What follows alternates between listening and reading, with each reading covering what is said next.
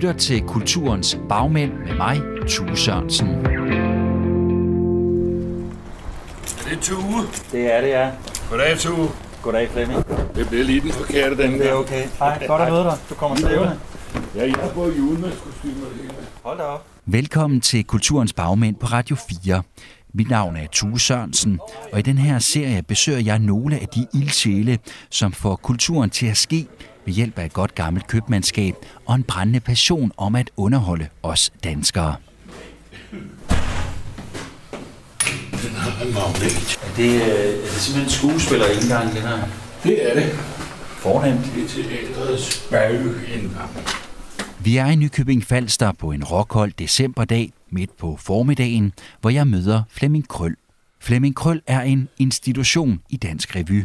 Både på scenen, men i lige så høj grad som idemand, producer, direktør eller bare chefen for det hele, revykongen. Det her, det kan du med altså ja. skuespillerforening, som vi kalder det. Ja. I indtil videre 28 år har han stået i spidsen for Nykøbing F-revyen. Og det her, det er mit lille hul i væggen, som jeg kalder det. Og lille kontor. Her har jeg siddet nogle år. Det er af to omgange, at han har været direktør for en af Sydhavsøernes mest kendte og anerkendte kulturinstitutioner. Første gang i perioden fra 1985 til 1992, og anden omgang har varet siden 1999. Nu slår jeg lige øh, låsen fra, så kan vi bare gå ud og ind. Det har jeg jo lige gjort for helvede. Flemming Krøl er på mange måder blevet indbegrebet af Nykøbing F-revyen. I mange sæsoner stod han på scenen som skuespiller, og i endnu flere år har han trukket i trådene i baggrunden, og gør det altså stadig, og er blevet ansigtet på revyen. Godmorgen, Mødte jeg dig på motorvejen i går? Det ved jeg da ikke. Jeg troede, det var dig. Sad han sådan i vintet? Nej. Ja, det er Jesper. Nej, nej, det var det sgu ikke. Jamen, så har du en dobbeltgænger i trafikken. Ja, det må jeg jo så have. Som kører rådent. Som kører onde tvilling. Men den er også blevet hans liv, hans hjertebarn og teatret hans andet hjem. Ved du hvad, vi, jeg tror, vi skal kigge herude? Et hjem, hvor direktøren selv sætter kaffen over og finder rene kaffekopper. Nej, den var beskidt. Ja, det er de som regel dernede. Det kunne være godt færdigt. Så laver vi lige en kop kaffe, du. Så sidder vi her og sluder lidt. Men Flemming, du kan måske øh, starte med at fortælle lidt om, nu øh, går vi jo rundt på øh, Nykøbing F Teater. Hvad, hvad er det for et sted? Det er jo et fint gammelt teater, som jo har ligget på den her adresse i mange, mange år. Altså 1920'erne, tror jeg, det blev bygget, ikke? Og så blev det til teater i 32 og brændte i 34 blev bygget op igen i 36, og så har det jo fungeret som, altså der har været øh, sommerrevy lige siden. Altså, der var 100 års jubilæum her i, i hvornår var det? Det var i 2012.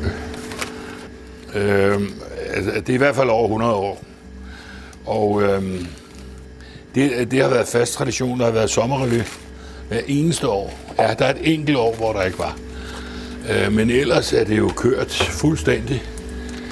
Øh, og som, som om vinteren med turnerende teaterforestillinger, og, og det har så været igennem et par renoveringer. Sidste renovering var i 2000, den blev, der blev det færdigt i 2000, 99-2000.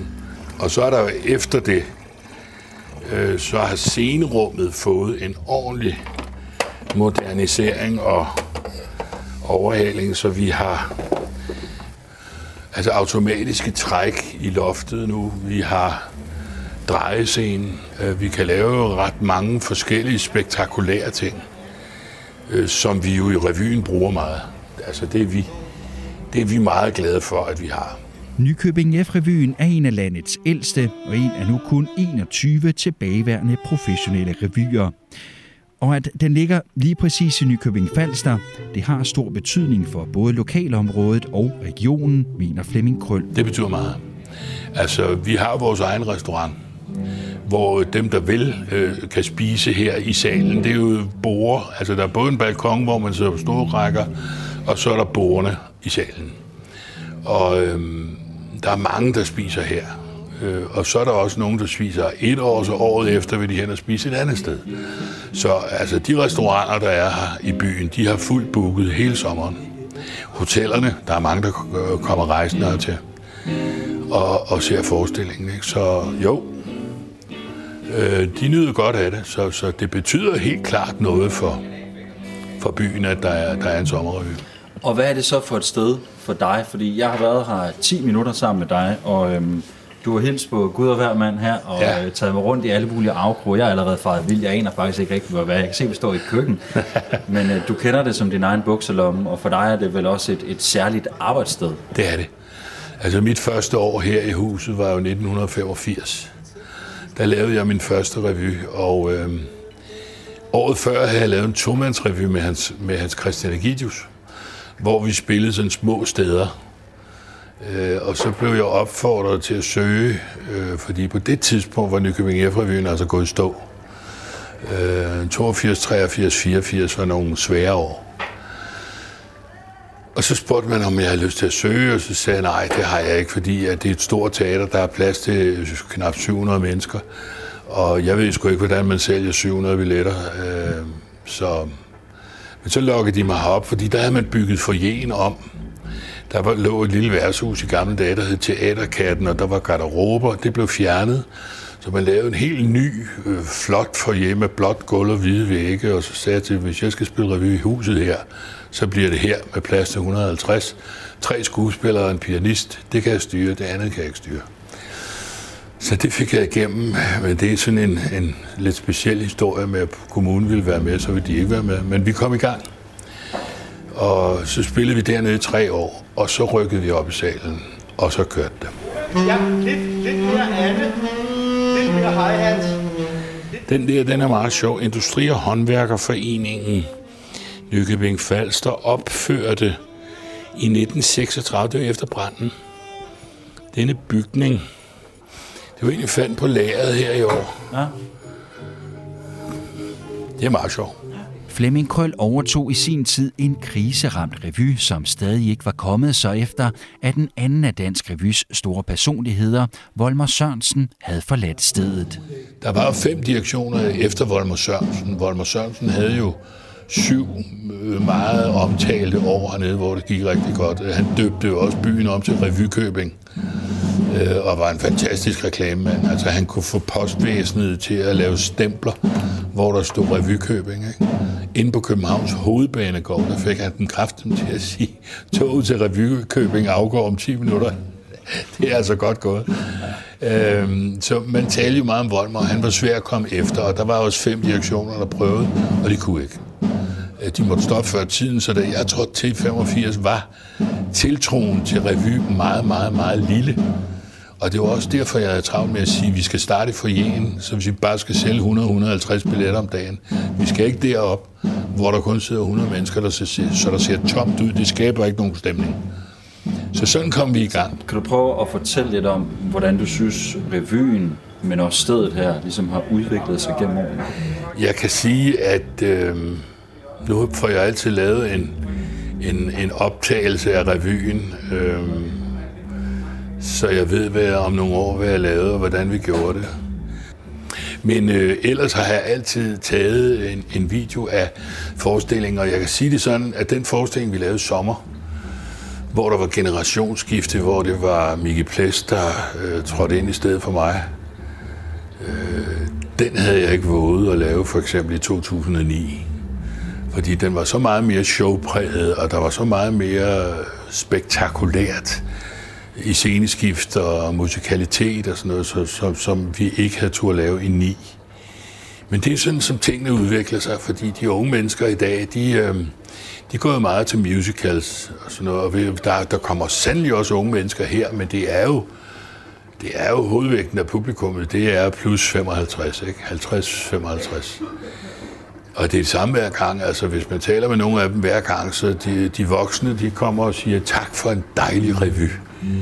Men kommer de unge mennesker, så siger de tak for et godt show. Mm. De vil ikke tage det der ord revy i munden. Det er, der er for meget mormor over det for dem. Så de siger show, så øh, sådan er det. Betyder det noget for dig, om de siger show eller revy? Nej, jeg tror på, at man skal have det med i, at, at revyen skal være mere showpræget. Øh, altså det der med, i gamle dage, så sagde man en, en sketch, og så gik der et tæppe for.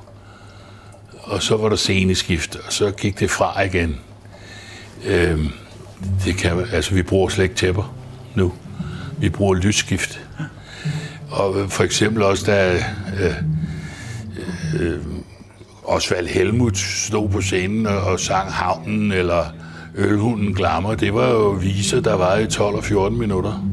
Det kan du heller ikke mere. Altså alt over tre minutter, det, så begynder folk at sidde og kigge forvildet over det. Ikke? Altså der er kommet sådan en sapperkultur. Det skal bide hinanden i røven, og det skal gå stærkt. Nå, vi får, nu tager vi os sgu lige en kop kaffe. Skal vi ikke gøre det? Jo. Det gik også stærkt for Flemming Krøl og Nykøbing F-revyen i slutningen af 80'erne og starten af 90'erne. Den ene sæson efter den anden var en succes, men så sagde direktøren stop første gang. Altså, jeg stoppede jo her, da jeg havde været her i otte år. Så tænkte jeg, nu har jeg opnået, hvad jeg vil. Jeg har rykket fra forjen op i salen. Der er Kai Løvring er med, Grete Sønk er med, som i Volmers dage. Der er ballet, der er alting. Jeg kan ikke komme videre. Jeg vil prøve noget andet. Så øh, jeg købte jo en restaurant på Marieløst, der hed Larsens Plads, som både var krogstue, restaurant og diskotek med 36 ansatte. Fordi jeg gik og sagde til mig selv, jeg skal prøve noget andet, og jeg vil, nu er jeg uddannet kok, så vil jeg gøre det, mens jeg har kræfterne. Og jeg gik i gang og fandt hurtigt ud af, at man kan ikke være to steder på en gang. Fordi det er jo en sommerforretning, så der var jo skide travlt samtidig med revyen jo. Og da jeg skrev kontrakten, jeg spurgte Kjeld og Hilde, om de var interesserede i at overtage, det var de. Det var dem, der overtog øh, Ja. byen efter dig. Og så skrev jeg på kontrakten og skubbede den over bordet, og Hilda hun tog den, og da den gled ud af min hånd, så tænkte jeg, ej, det skulle jeg ikke have gjort. Allerede der fortrød jeg. Men øh, det blev sådan, og øh, i hele, øh, det var 92, der var mit sidste år her i første omgang. 93, der var jeg kun på Larsens plads øh, og passe den. Og i 94, der tog jeg til Balkan og spillede 10 forskellige steder for alle de danske soldater. Øh, og så havde jeg jo mødt Kim Larsen, som øh, gik hen og blev min gode ven, og hans manager Frank Sten. Og Kim han sagde, fordi øh, der havde Frank Sten på det tidspunkt Rottefælden i Svendborg. Og den kørte mildest talt meget dårligt. Og de fik et kommunalt tilskud, og, og, som var ved at blive sagt fra, hvis ikke de solgte nogle flere billetter og gjorde noget mere reklame. Og, så Kim sagde til, til Frank, at han skulle, skulle da spørge mig, om ikke jeg gad at komme derover. Så jeg tog derover, og jeg kan huske, at jeg sagde til ham, jeg vil godt prøve at rejse det her sammen med dig, hvis du forstår, hvad det går ud på. Hvad mener du? Jamen, jeg mener, at du skal investere dig ud af den her krise. Du kan ikke spare dig ud af den. Nå, men har du et forslag? Jeg siger, ja, det har jeg. Vi laver en revy, der hedder Eskil vender tilbage til Svendborg. Og det var som med Kai Løvring, der havde en kæmpe revyfigur dengang, der hed Eskil fra Svendborg. Vi laver Eskil vender tilbage til Svendborg, og det bliver med Kai Løvring, med Max Hansen og mig. Kun tre mand. Det gjorde vi. Og den sad lige i skabet. Så jeg overtog jo styringen med og var den kunstneriske leder. Så det blev det så til. Og hele styreformen blev lavet fuldstændig om. Og øh, det er sådan, det kører i dag. Jeg var der i fire år, og havde det, altså, havde det fint, øh, for jeg var som sagt kunstnerisk leder, men jeg var ikke inde i tallene og sådan noget, men, men jeg kunne se, at, at der var sgu ikke noget at være ked af. Altså. Men pludselig en dag, så bankede det jo på døren i mit hus over på Ture, og det var Hilde Haik, som spurgte, om jeg ikke ville have mit, min revy i Nykøbing tilbage, fordi, som hun sagde, vi savner vores publikum ude på landevejen, vi, vi, vi vil ud og optræde igen, og vil du have det tilbage? Ja, for satan. Det kan du tro, jeg vil. Du lytter til Radio 4.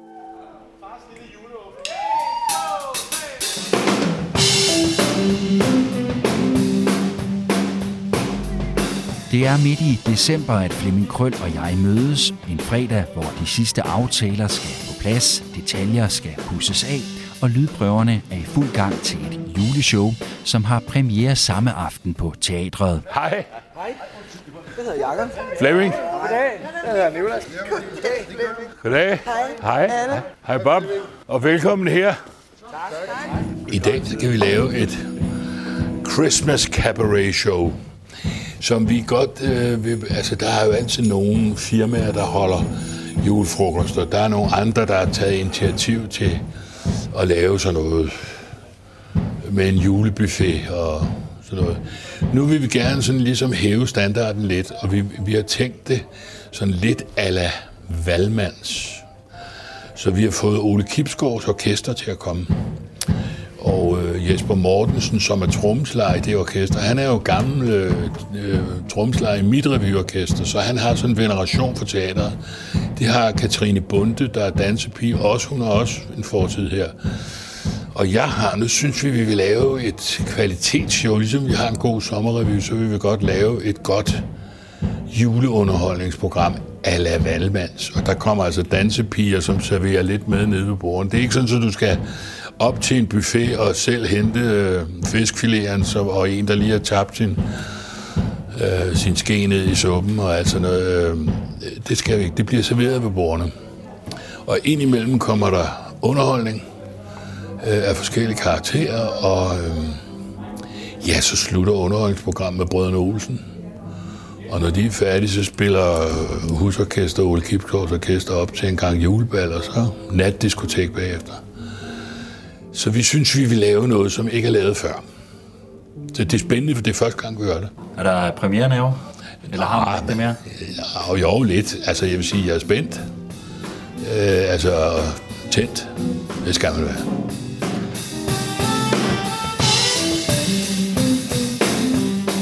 Flemming Krøll skal selv være konferencier til showet og spille et par sange.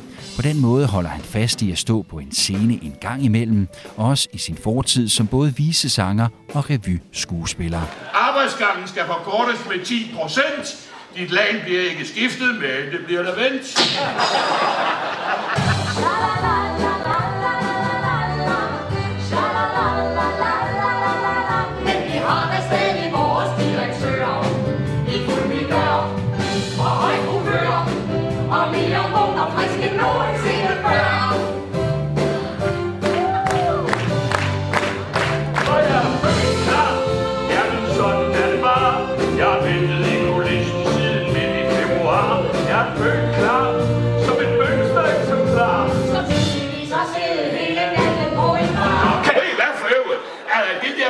1985, der havde vi en fantastisk, smuk, totalt ukendt pige med. Hun kommer her. En stor hånd til Janneborg.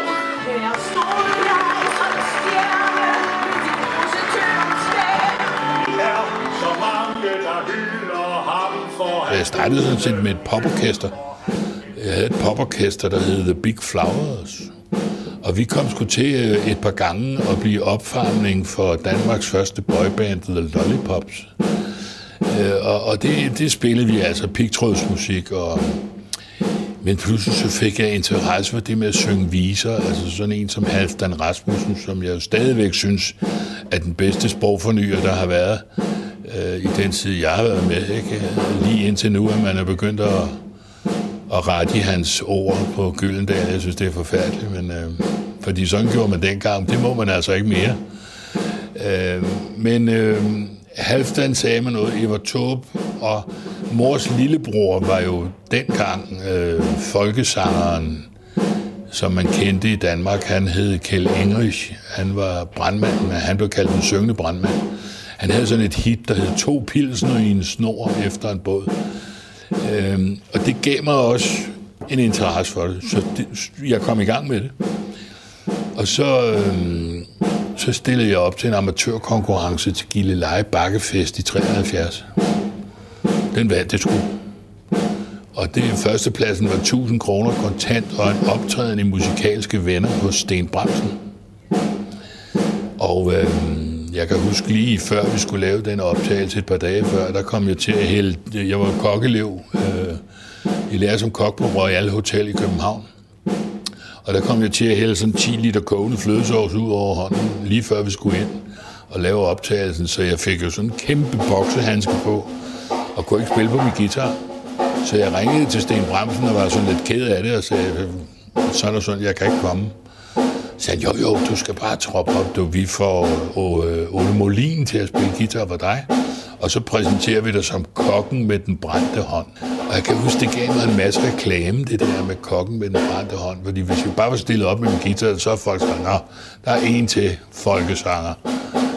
Det gav reklame. Og pludselig en dag, så stod direktøren for Royal Hotel, han stod nede i køkkenet, heroppe på vagt, og så siger han, du skal spille for mine gæster til uh, Candlelight Dinner. Hver vinter havde de noget om onsdagen, der hed Candlelight Dinner. Kun levende lys i og syv, syv retters menu. Og der gik Ivan Let rundt og spillede violin med borgerne i kjole og hvidt. Og når han havde pause, skulle jeg så komme ind i kokketøj og synge et par viser.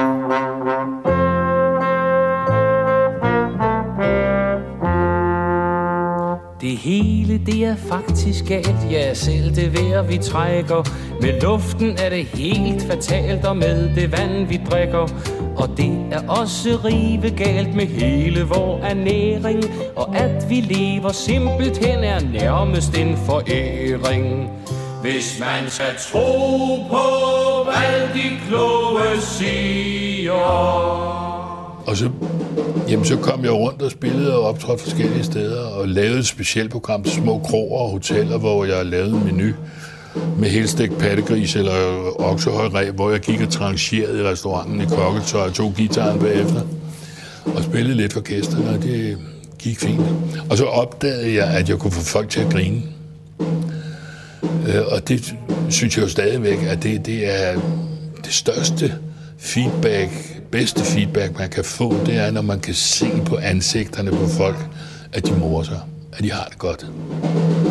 Så jeg gik mere og mere over i det. Medisterpølse med spinat er ganske uforsvarligt Og pynter vi den med tomat er det direkte farligt Ja, lige meget hvad vi gør er vi i kattepine Og hvis vi holder os til smør, skulle det være margarine hvis man skal tro på, hvad de kloge siger så får jeg tilbudt en revy cabaret på Hotel Hanstholm i 79.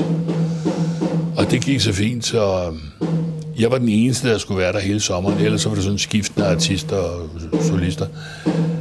Jeg var der i fire år. Så kom jeg til Horsens, ABC Teater i Horsens. Spillede der et år, og der mødte jeg Hans Christian Egidius. Øh, og så blev vi enige om, at i, ja, det var 83, ja, og så i 84, så lavede vi en tomandsrevy. Rejste rundt med den. den. Og det gjorde, at jeg landede her i Nykøbing på en restaurant sammen med Hans Christian. Og der kom de så fra teateret og sagde, var det ikke noget for dig at søge Nykøbing Eftermiddag? Hvad tænkte du? Fordi det er vel noget andet at stå med ansvaret for et sted på den måde, end at rejse et rundt og være noget, være et sted et, to år og så videre. Ja, jamen øh, det er jo klart, at det skulle langtidsplanlægges. Men da jeg kom og så stedet, så, øh, så var jeg jo klar over, at det var for stort til mig. Men så var forjen bygget om, og så, øh, så startede jeg så dernede. Og så sagde jeg til dem, jeg vil godt lave revyen, men jeg vil have et økonomisk sikkerhedsnet. Ikke en, ikke en garanti eller en betaling, men et sikkerhedsnet, hvis noget går galt. Jeg har lige købt hus i Hvidovre, og jeg er blevet far for første gang. Øh, så, så jeg vil ikke øh, rejse herned og lave en sommerrevy og risikere at miste det hele. Øh, så sagde de, at det, det, det er ikke noget problem, det skal vi nok. Så gik der tre uger, så jeg boede videre dengang, så blev jeg ringet op af en journalist øh, fra Folketidene, den lokale avis, så sagde han, ja, jeg har lige været til kommunalbestyrelsesmøde, og jeg synes bare, du skal vide, at det der med at give et sikkerhedsnet på 100.000, det er faldet. Det vil man ikke i kommunen. Hvad vil du så nu? Så siger jeg, det ved jeg sgu ikke. Altså, nu har jeg ligesom indstillet mig på, at jeg skulle lave revy, så det havde jeg da håbet på. Men øh, det må jeg tænke over. Som sagt boede jeg videre, så jeg gik ned på mit stamværshus, Johnnys Bodega, og drak mig en kold tubo og tænkte, hvad fanden skal jeg gøre? Og kom til at kigge hen for enden af baren, der hang der sådan et diplom, øh, hvor der stod Johnnys Bodega sponsorer Hvidovre idrætsforeningen. Så tænkte jeg, der er den. Du finder 10 selvstændige erhvervsdrivende i Nykøbing Falster, beder dem om at indskyde 10.000 kroner hver som sikkerhed, og så kalder du dem revyens fader og giver dem alt det PR, de kan tykke i sig. Sådan så de får ligesom en del af, at de er med til at rejse revyen i Nykøbing igen. Nå. Men der kommer til at gå noget tid med... Men det, så kan vi to jo snakke så længe. Flemming Krøl er altså ikke længere at finde på scenen som skuespiller i revyerne. Han er også begyndt at slippe nogle af de kunstneriske tøjler, men forretningsdelen, den er han stadig chefen for. Og selvom han i udgangspunktet er kunstner og er startet i branchen som en, der dyrker det kreative og løsluppende, så værner han faktisk om det at være en administrativ ildsjæl og noget så simpelt som at lægge et budget. Ja, første gang jeg blev mærke i det, det var, det var da Sten Bremsen, han sagde til mig, øh, du kommer bare, vi præsenterer dig som kokken med den brændte hånd. Der bed jeg mærke i det, tænkte, hvor er det dog vigtigt, hvad man siger omkring det, man laver.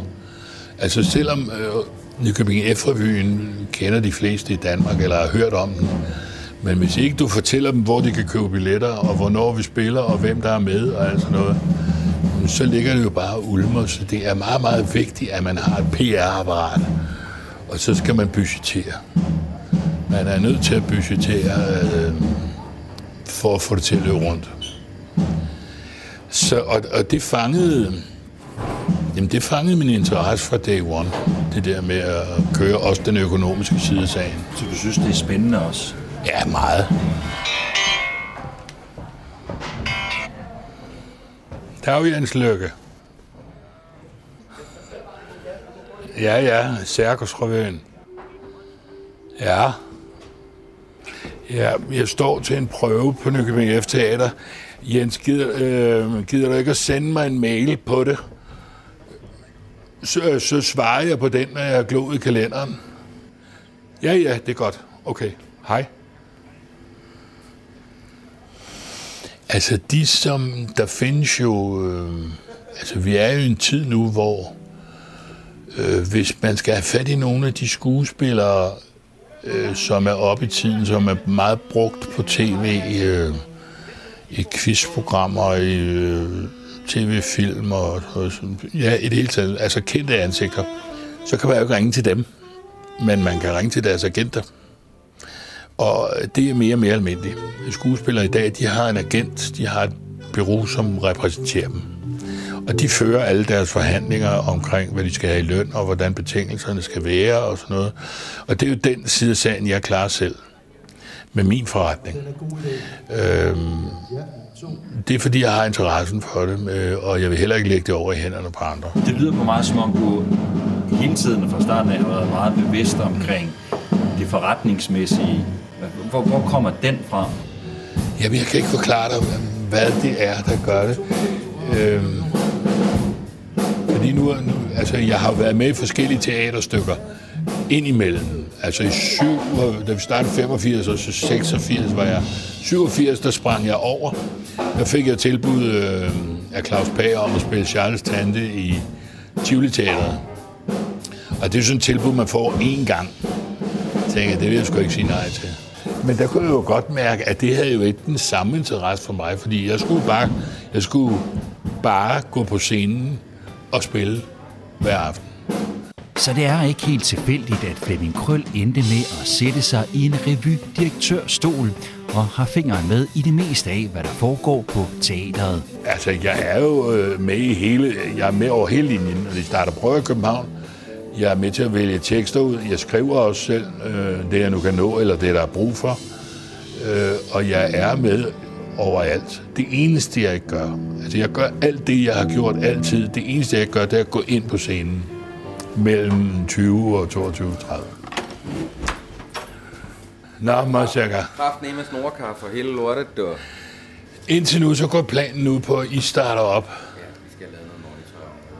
Så I laver hovedsageligt lyd.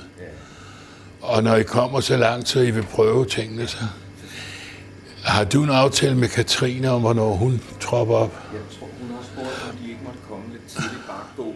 Og for ham er en god bagmand, en dygtig revydirektør, alt afgørende for succes, både når det gælder det kunstneriske og kassebeholdningen. Altså, jeg kan sige det øh, forholdsvis kort på den måde, at hvis et revyteater har et publikum, øhm, så har teateret det publikum på baggrund af en tillid. Altså fordi, når, når de har været inde og se en forestilling, de godt kunne lide og synes var sjov, så, så tænkte jeg, det skal vi ind og se til næste år. Og vi skal allerede bestille billetter i september, og sådan det ene med det andet. Og der ved jeg med 100% sikkerhed, du kan godt skifte ud på holdet. Jeg har en regel her, der hedder, du er der to år ad gangen, så skal du have en pause.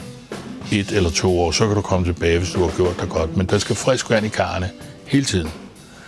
Øhm, og det skal også gøres med en intern hånd. Det er også noget med, at pigerne skal passe sammen, både typemæssigt, stemmemæssigt og temperamentsmæssigt. Og det skal drengene også. Så det er, altså det er opgaven at få det puslespil til at gå op.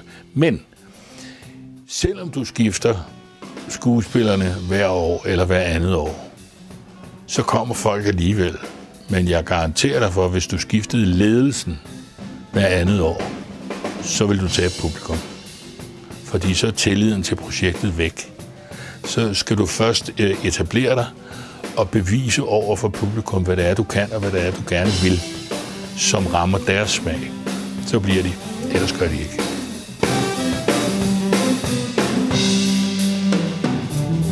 Nu synes jeg, de fylder meget. det gør de også lidt. Hvornår skal du op og øve?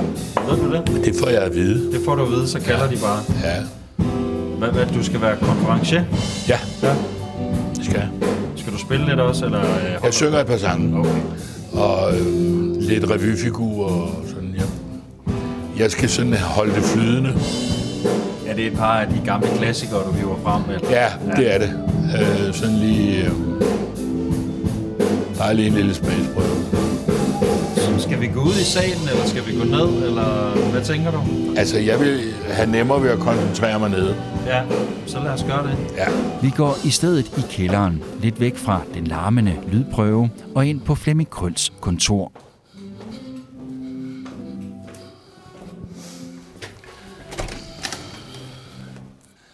Så sætter vi os fandme her, du. Hvor længe har du haft det her kontor? Jamen, det... øh, Jeg tror, det var fra, vi flyttede op i salen. Uh, til at begynde med, måtte vi jo rydde hver år. Ja, øh, jamen, ja, det har vi haft siden 87, 88. Der hænger, øh, der hænger mange ting på væggene. Ja, Jeg ved ikke, hvad vi skal kalde det. Det er jo forskellige. Noget af billeder, noget af avisforsider, og ja. plakater, og postkort, og ja, sådan memorabilia over Ja. en kamp. Der er et stort billede med dig, og det er Cliff Richard, kan jeg se. Og Dion Warwick, ja. John Warwick. ja. Ja. Det var fra en tv-udsendelse, jeg tror, det hed Superchancen, hvor der jo sådan var internationale artister med, så fik jeg sgu lov til at optræde sammen med sådan to kæmpe ikoner.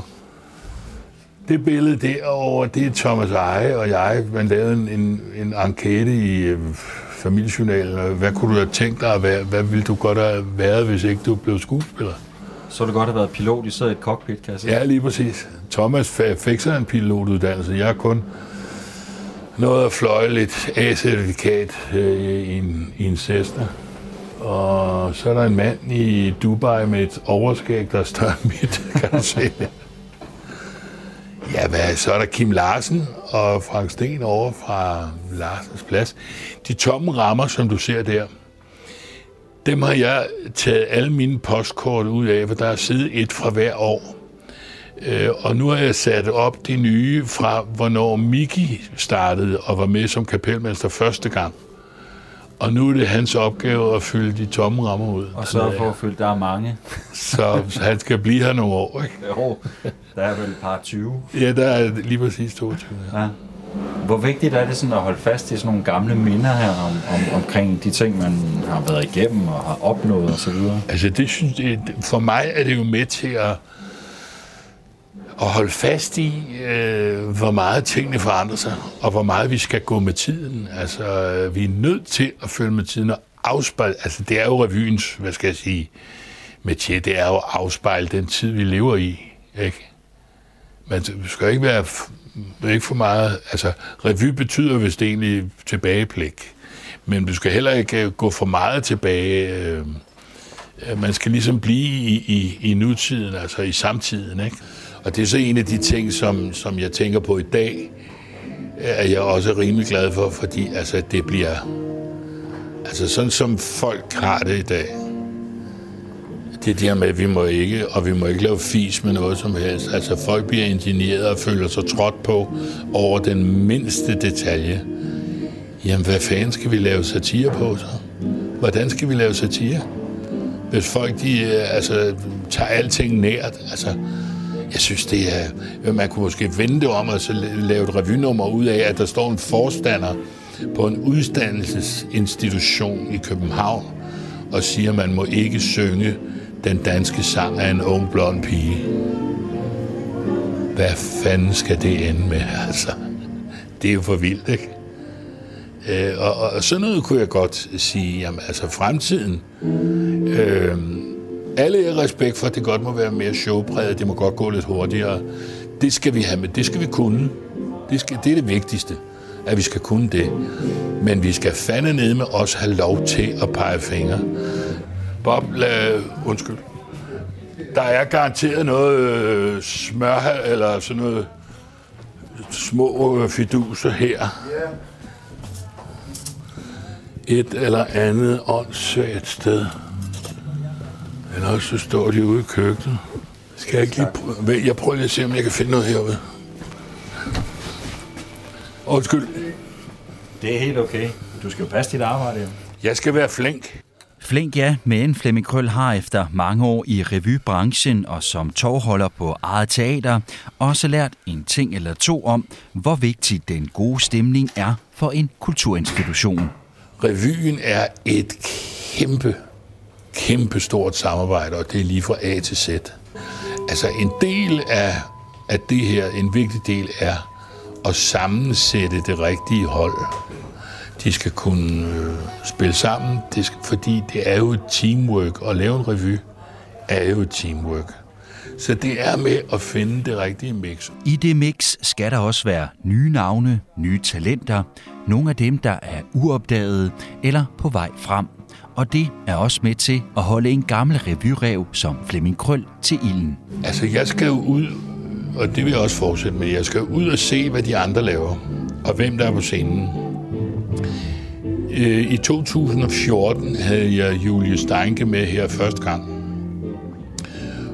Og det havde jeg, fordi jeg så hende året før i Crazy Christmas Cabaret med Vivian McKee inde i glassalen i Tivoli. Og jeg kendte, jeg vidste jo godt, hvem hun var, og jeg vidste også godt, at hun var musicalstjerne og havde været på det nye teater i flere forskellige produktioner. Men her så jeg hende altså, altså det er jo en pige, der har gummifjæs, og hun har funny bones, hun kan jo, hun skal skulle lave revy. Så jeg tog fat i hende med det samme, og det kunne hun virkelig godt tænke sig. Sådan har vi en ny mand til sommer også, der hedder forholdsvis ny. Han har været i, øh, han har været i Kataminde sidste år, han har været i Esbjerg, han har været forskellige steder. Han hedder Kasper Gatrup. Han er også skidegod. Det er det, du skal have frisk vand i karne hele tiden. Altså, jeg ved godt, man har altid sagt, en god skuespiller kan fremsige en lortetekst, så man griner af den. Altså, for eksempel Dirk Passers står og taler om en mudderklier, eller en kulmule. Øh, det var øh, verdensklasse, ikke? Altså en Søren Østergaard, der kan danse med et stykke vinerbrød, så folk griner af det. Jeg ville ikke turde stå på en scene med et stykke vinerbrød og få folk til at grine det. Øh, sådan er det. Men en, en god tekst kan også ødelægges af en knap så god skuespiller. Og der har du haft, jeg har møde på, på mandag, tager vi til København, fordi de fleste af skuespillerne er på teater i København lige nu. Så Mikke og jeg tager i grøften på mandag med hele banden. Og der skal de så møde hinanden for første gang og grine og pjat. Og øhm, så skal jeg høre dem, hvad de synes, og hvad de kunne tænke sig. Hvilke emner vi skal gå efter, om de har noget i ærmet, som de vil sige.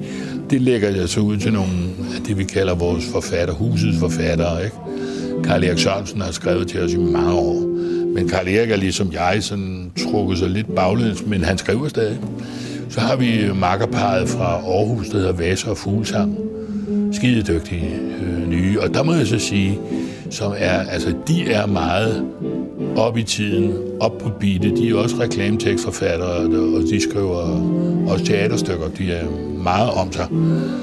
Øh, og så er der kommet nogle nye, nogle helt unge, som vi havde brug for sidste år. Det er altså en fordel for revyen. Radio 4 taler med Danmark. Jesper, er der nogen, der har taget højde for, øh, at Pipko skal kunne komme ud og ind med sit... Det ved du ikke. Hvem, hvem er placeret... Øh... Det tror jeg, Pelle har.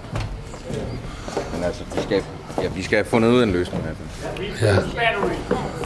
Det er fordi, altså, det er jo også noget med, hvis han vil stå derovre, og pigerne skal bruge det som indgang til deres koreografi, så må vi lige have det planlagt. Ja. Må vi Ja, så, så bliver jeg overhalet ind om på motorvejen, men mand. For helvede, mand. Øhm, Palle, er der nogen, der har set Palle? Er han herude? Det er han nok. Palle! Der er rigeligt at holde styr på som revychef og producent på teatret. Nok er huset fuld af kunstnere og kreative typer, men købmanden Krøl, han er bevidst om, at det er en forretning, og nok står der teater oppe over indgangen, men et teater og en revy er også bare en arbejdsplads som alle andre. Jamen altså, det er, det er jo efterhånden noget det at blive til, at september var revyfri, sagde vi i gamle dage. Men så får, får vi jo det nye billetsystem, som gør, at det åbner i september. Så der har du ikke revyfri. Men computeren, billetsystemet skal jo sættes op, og det gør du, mens du spiller i juli måned, går du og forbereder alle de ting. Der skal lægges nye priser ind i, der skal lægges nye menuer ind i billetten, sådan så når folk siger menu 1, og vi er 4, bing, så trykker du på en knap, så bliver det printet ud. Alt det skal gøres i september. I år for eksempel spillede vi til den 25. august, og billetsalget startede til sæsonen 20, startede den 14. september. For der er altid nogen, der trykker forkert og bestiller, øh, jeg tror, når de har bestilt fire billetter på bord 16 og bestilt en menu, så tror jeg, de har bestilt til dem alle sammen. Og så noget er du nødt til at gå ind efter, det er Birtes afdelingen. Det tager hun sig af. Så kommer øhm, sponsorerne, om de giver en gang til. Design på plakat, postkort, busbagsider og hvad du ellers laver. Lægger et budget for, hvilke søndag i BT du vil tage, øhm, julegaveidéer, alt sådan noget. Det skal lægges nu. Så kommer du frem til januar. Der er der sådan set, der kører det faktisk. Øh, og også lidt februar. Men der begynder teksterne så at komme ind i februar. Der er noget at passe hele tiden. Palle! For helvede! Palle Guldballe! Jeg skal sige, er der ikke en eller anden... Øh, kan vi ikke få en eller anden til at starte opvaskemaskinen? Der er ikke, der er ikke nogen ren krus. Og vi henter nogle krus derude, så starter den op. Der er bare nogle flere derude. Det godt. Kan det være lidt svært at holde styr på en gang imellem? Der er mange tråde. Altså, øh, noget af det, som jo gør, at jeg siger, nu er det på tide, at der skal andre til, det er for eksempel alle de kameler, der skal sluges. Når du står alene på en scene, så har du dig selv. Og, men når der er fem medvirkende i et nummer, og der er fem meninger om, hvordan det skal udføres, så skal man sluge mange kameler, og det skal man kunne. For ellers så får man ikke samarbejdet til at fungere. Men øh, det kan man godt mærke, når man har gjort det nogle år. Det slider. Ja, det gør det. Det gør det sgu. Øh, men jeg siger da også samtidig, så er der altid sagt, fem hoveder tænker bedre end et. Øh, men men øh, det, det altså stilen øh, har, ligesom det vi optræder med har forandret sig. så har det, altså i gamle dage, jeg siger altid, at det her, det var jo i gamle dage en legeplads. Det er det ikke mere. Det er en arbejdsplads. Man kommer, når man skal, tager sit kostume på og spiller øh, det, man skal, og når der er blæst af, så forlader man teateret omgående. I gamle dage, der sad vi her jo nede forjen og drak en godnatbajer og grinede og pjattede og så. Det eksisterer ikke mere. Gør det ikke. Flemming Krølls tid på Nykøbing F-revyen synger på sidste vers. Forrige år stoppede han med skuespilleriet, og om et par år, det er allerede aftalt med afløseren, så er det også slut med at trække i trådene i baggrunden. Revykongen for Falster abdicerer og går på pension.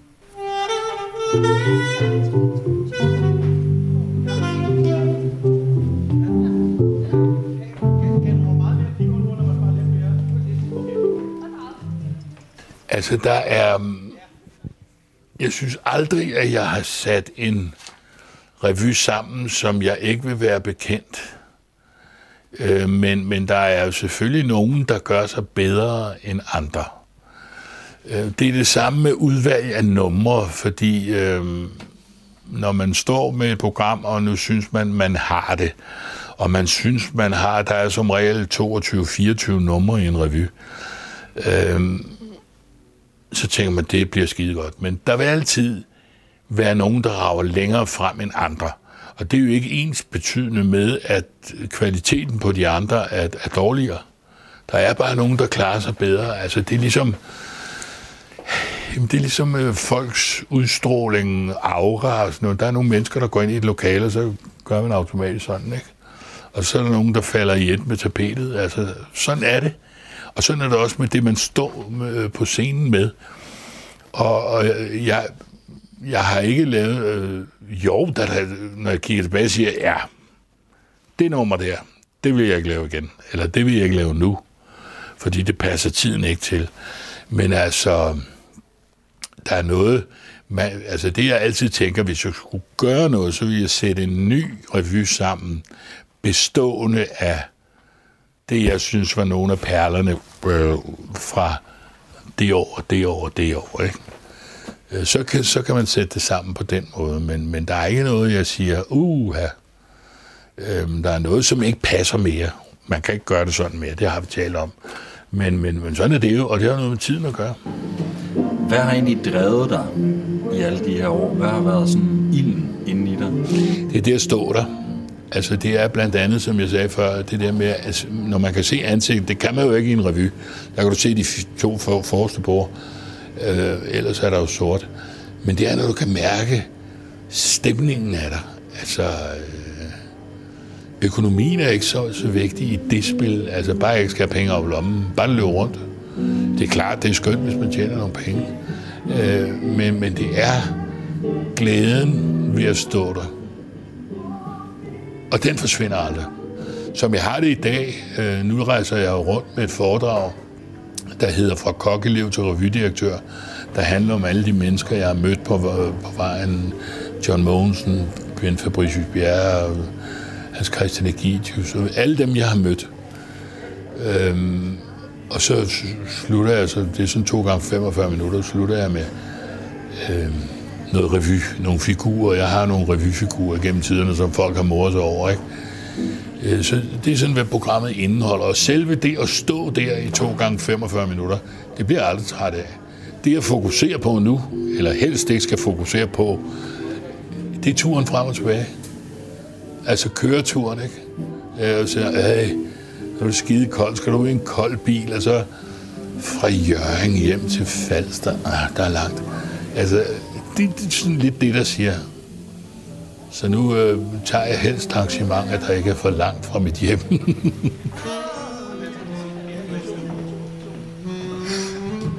to, en to, en to, en to. Oh, det, var- det var meget bedre. Ja, en to, to, to, tre. Ja, ja.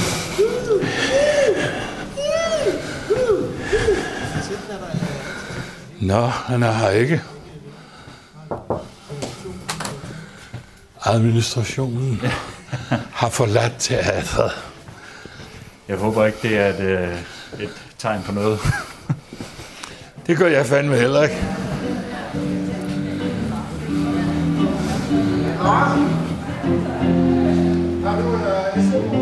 Det ser da godt ud, var?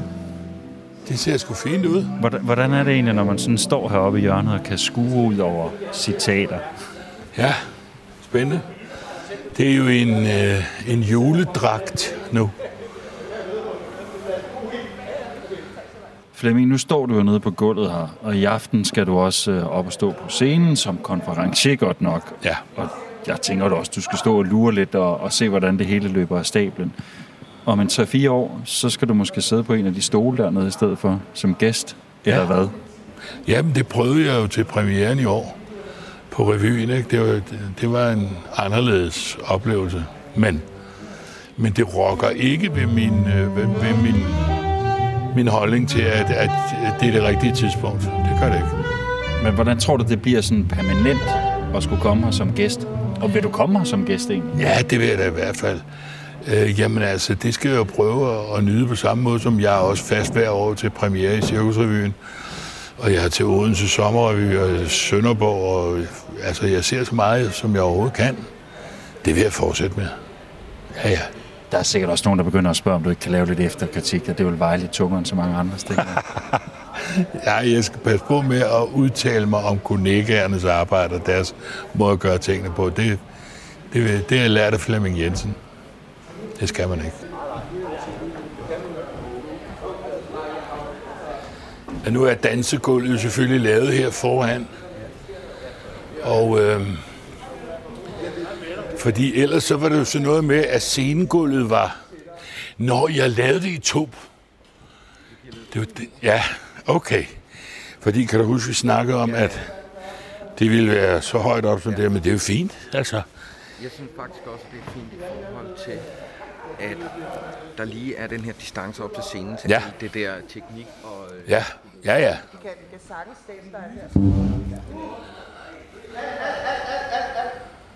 Hvad vil du gerne huskes for, når du er helt færdig med at være her på Nykøbing F-revyen? At jeg har fået folk til at more sig og glemme hverdagens trumrum en sommeraften igennem mange år. Det er simpelthen bare det. Det er et beskedent ønske. jamen, jamen, jo, altså hvis de kan huske den tid, og måske nogle af de revyfigurer, som jeg har lavet øh, hen ad vejen, jo, det er da klart, det vil man da gerne huskes for, men øh, jeg, jeg, jamen, der er så mange floskler, som, som man har haft igennem tiderne, altså, man får jo også det der spørgsmål med, øh, jamen, øh, øh hvad skal publikum have, hvad vil du gerne give dem med hjem? Øhm, der har jeg altid haft et svar. Det ved jeg ikke, om jeg mener, det er 100% mere. Altså, siger jo, hvis de skal have noget med hjem, så kan de jo købe et program. Så kan de tage det med hjem.